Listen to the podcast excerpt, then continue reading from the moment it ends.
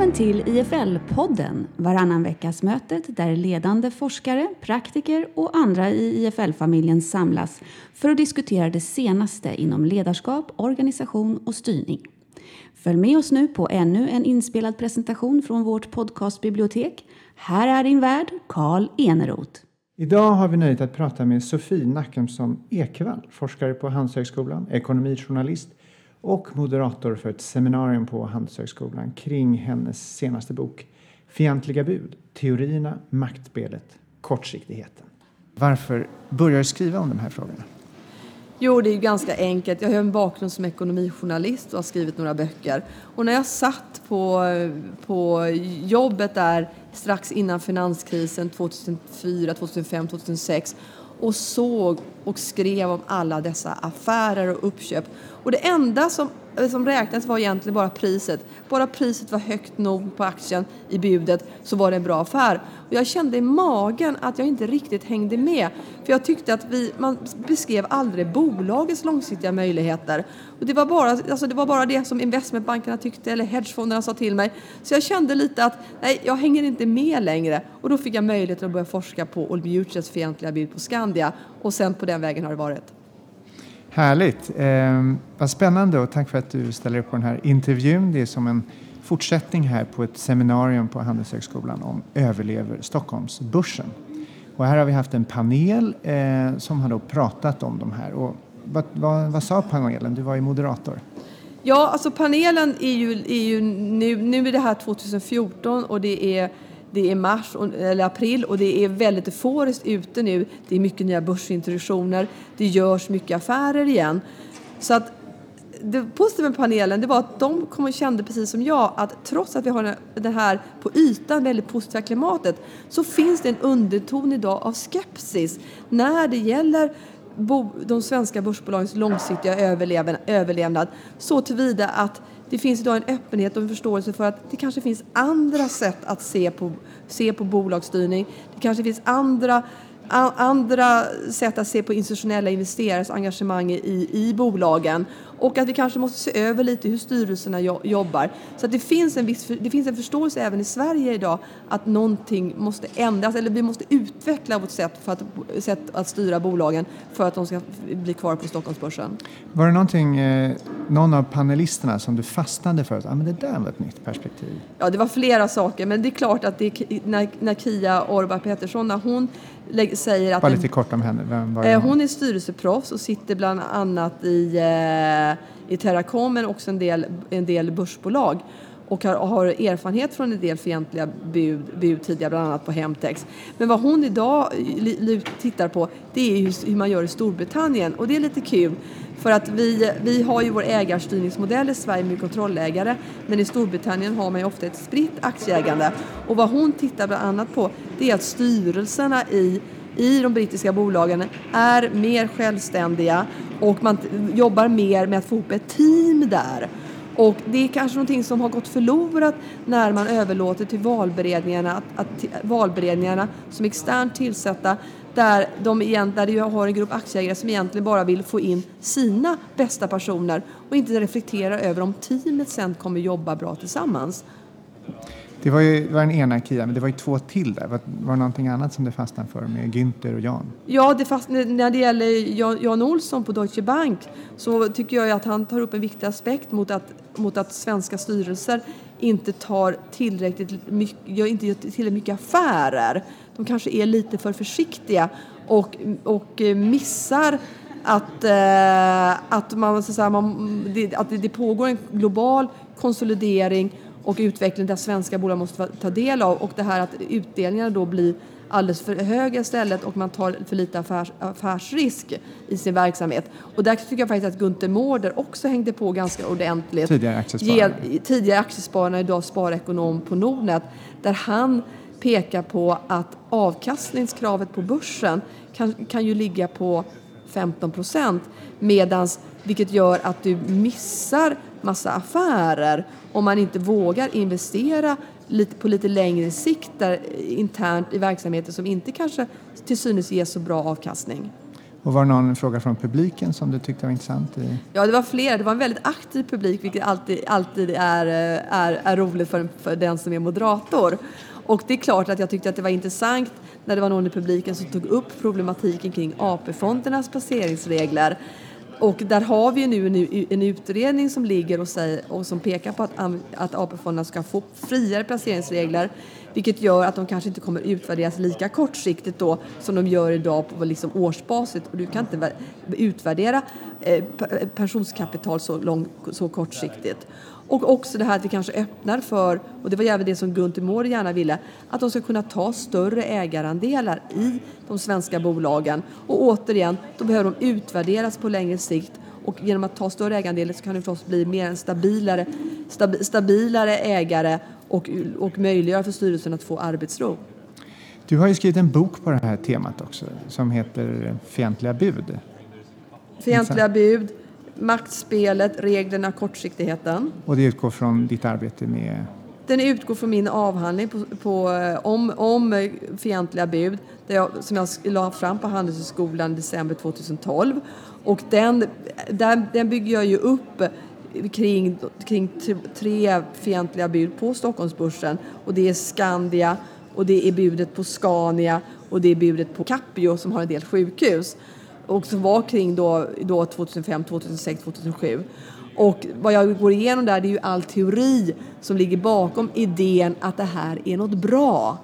Och, vad det, och då, går jag, då går jag igenom tre, då tar jag ett samhällsvetenskapligt perspektiv på fientliga bud istället som man, det vanliga det är att man tittar på finansmarknaden och fokuserar helt på att finansmarknaden ska kunna ska, ska kunna själv. Fungera, fungera, där det har rationella aktörer och du har portföljförvaltning och du har effektiva kapitalmarknader och sånt där som vi vet idag inte fungerar. För det är ju människor i bolagen som skapar de verkliga värdena. Och därför måste vi så vända på synsättet, utgå från bolaget och då växer en helt annan värld och en helt annan bild av fientliga bud fram. Kan vi bara stanna där lite?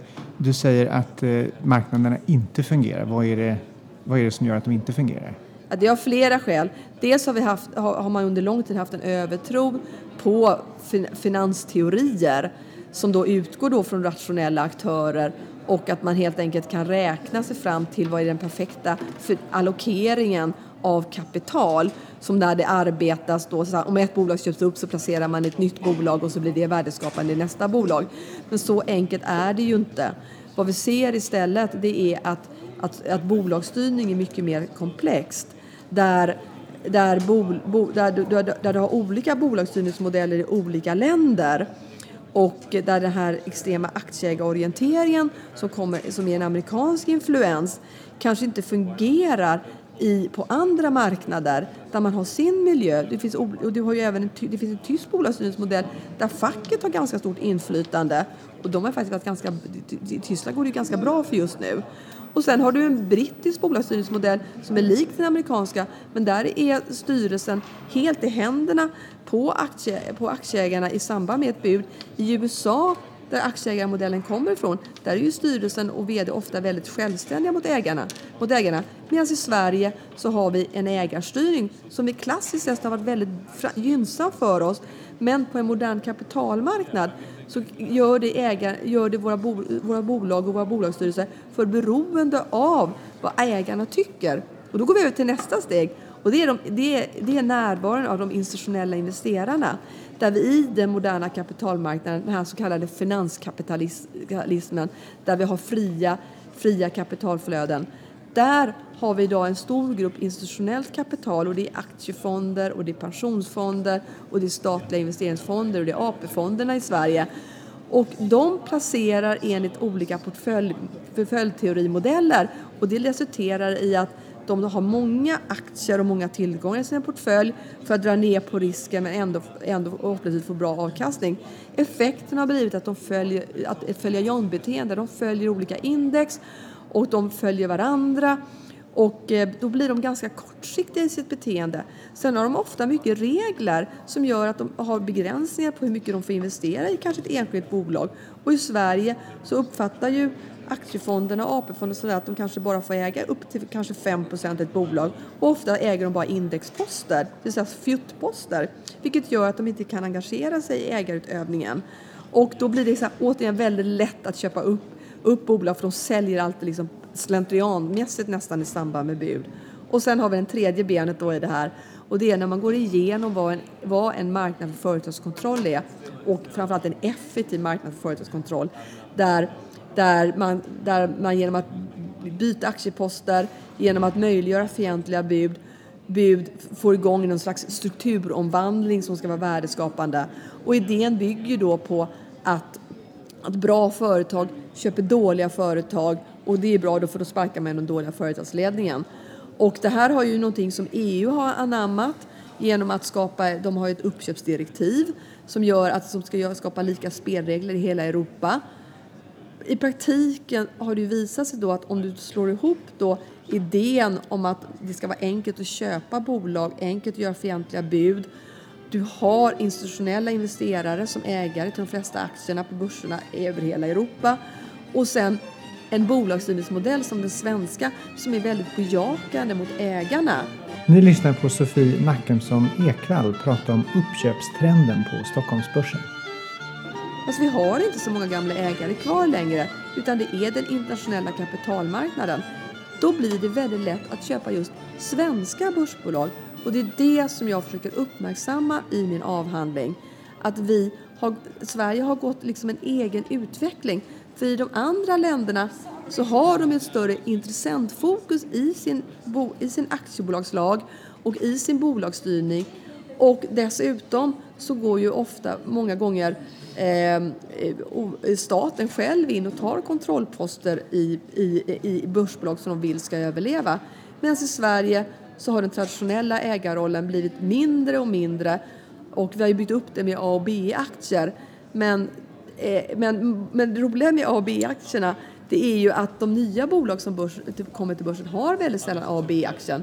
Och B-aktien, de har ju en öppen ägarbild. Så då fortsätter bara det här och bol, de svenska bolagen, de bra bolagen köps upp istället för att vara kvar på börsen och utvecklas.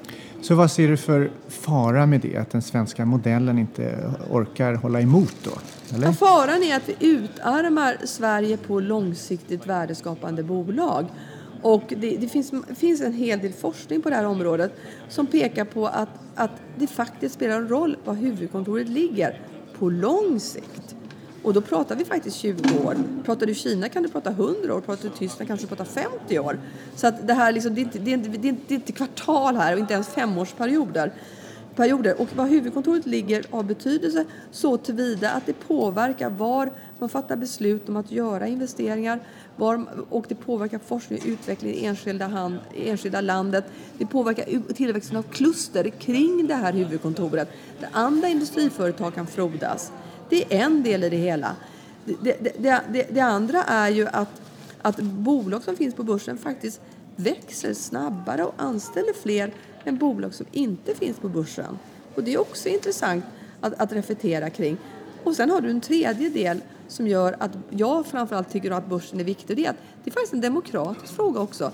Att möjliggöra för vanliga människor, allmänheten och för pensionssparande att investera och utveckla svenska, bo, svenska, bo, svenska bolag. Och så det, så det, det, alltså I ett större sammanhang så är det viktigt att det finns några svenska bolag. För att vi kan inte bara bli en vanlig dotterbolagsekonomi. Vad, om det nu är en fara med att den svenska ordningen är hotad, vad kan man göra åt det, tycker du? Jag har sympati för de som säger att oh, den svenska ägarmodellen är så bra.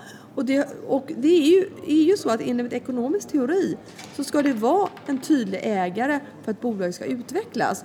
Så det, så det är bra. Däremot så säger faktiskt teorin att just A och B-aktier inte är det bästa sättet att få igång det här tydliga ägandet.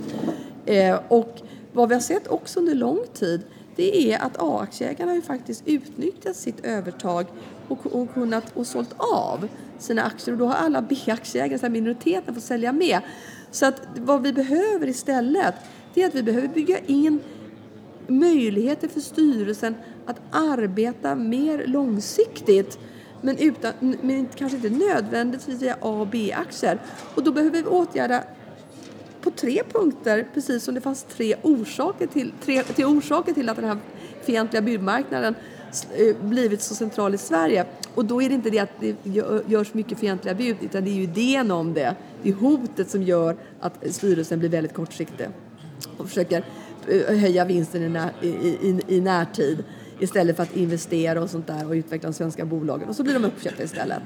Utan vad, vad vi behöver göra det, det är att den svenska ägarstyrningen måste gå mer åt bolagsstyrning som vi har internationellt där möjligheten finns att väga in andra intressenter.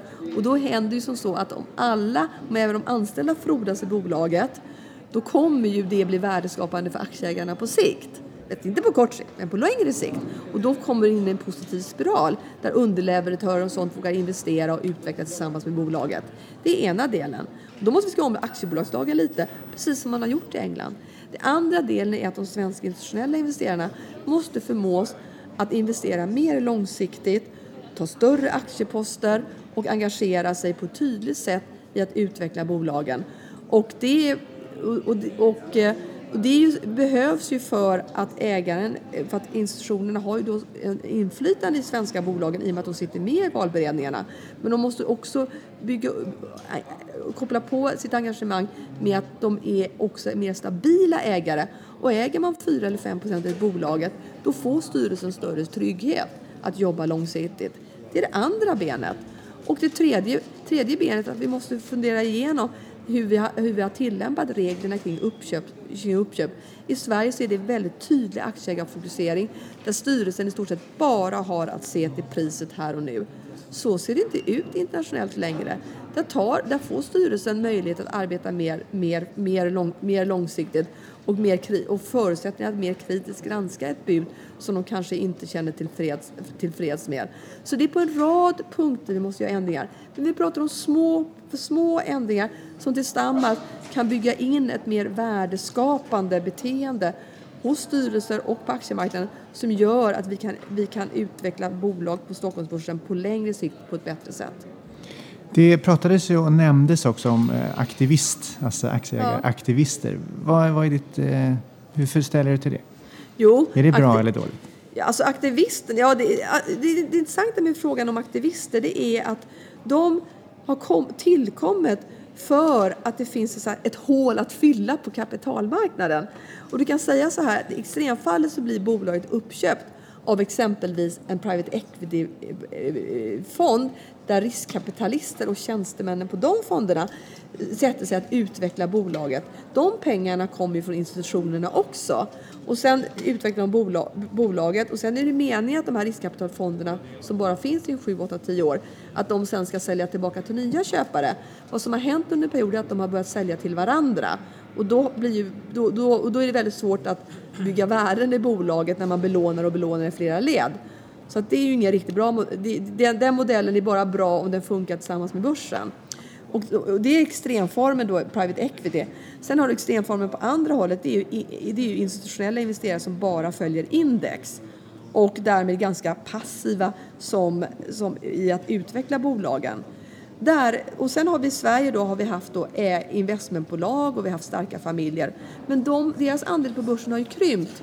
Så det har skapat ett ägar och maktvakuum. Och då fyller aktivisten det.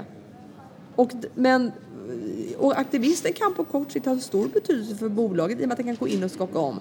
Men aktivisten kan också driva igenom strukturaffärer som, eh, som, ser ut, som skapar värde, som ser ut att höja aktiekursen på kort sikt men nödvändigtvis inte bygger värden på lång sikt.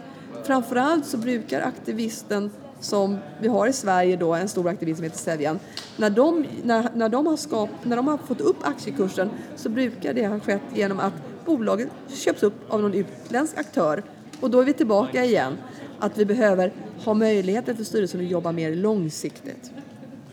Vad spännande. Om man då eh, börjar avsluta det här och eh, på frågan då överlever Stockholmsbörsen, vad, vad säger du då? Ja, Stockholmsbörsen överlever ju förstås. Frågan är bara om det, kom, om det, om, och, om det kommer vara en arena för våra stora svenska bolag. För de blir ju inte fler. Och framförallt så har vi massa nya små, nykomlingar som kommer De måste få möjlighet att växa upp på börsen.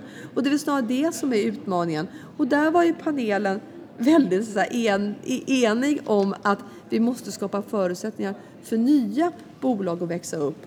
Och vad som också är centralt här, det är ju att börsen själv idag har ju börjat förstå att vi kan inte ha uppköpsregler som avviker från resten av världen. Och vi kan, eh, där, där det är för enkelt att köpa svenska bolag genom att skarva i kanter och bryta eller kringgå olika regelverk som inte var syftet från början. Och eh, även börsen vill ju att institutionerna ska ta större ägarandelar eh, och engagera sig mer långsiktigt. Så det är klart det finns hopp om det, men vi måste ju vi måste till så att det här fungerar i praktiken också. Så avslutningsvis då, om vi eh, flyttar fokus från aktieägarintresset och att det är det som driver och du sätter ett samhällsperspektiv på frågan genom din eh, fina bok. Tre grejer som man kan tänka på då? Ja, vi ska tänka på det är framförallt, framförallt att vi måste, vi måste så ha en större förståelse för hur det ser ut i omvärlden. Och det är framförallt två saker som, kommer, som blir tydligt när jag, när, jag, när jag skrev min avhandling och skrev boken. Och det är ju att eh, det finns olika bolagsstyrningsmodeller och de fungerar bara tillsammans med den lokala miljön. Det vill säga, vi har en historik i Sverige, vi har en historik i Tyskland, det finns en historik i USA.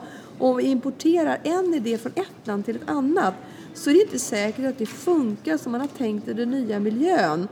När aktieägarna får bestämma och det bara är fokus på aktie, aktieägarvärdet i en svensk miljö så toppar vi liksom en miljö, en, en modell där aktieägarna redan hade inflytande.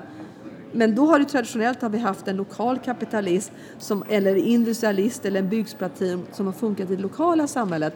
Men idag har vi, har vi ju en global marknad istället. Och då har inte den här snälla, lokala, goda kapitalisten har ju förbytts till en aktivist eller en institutionell investerare.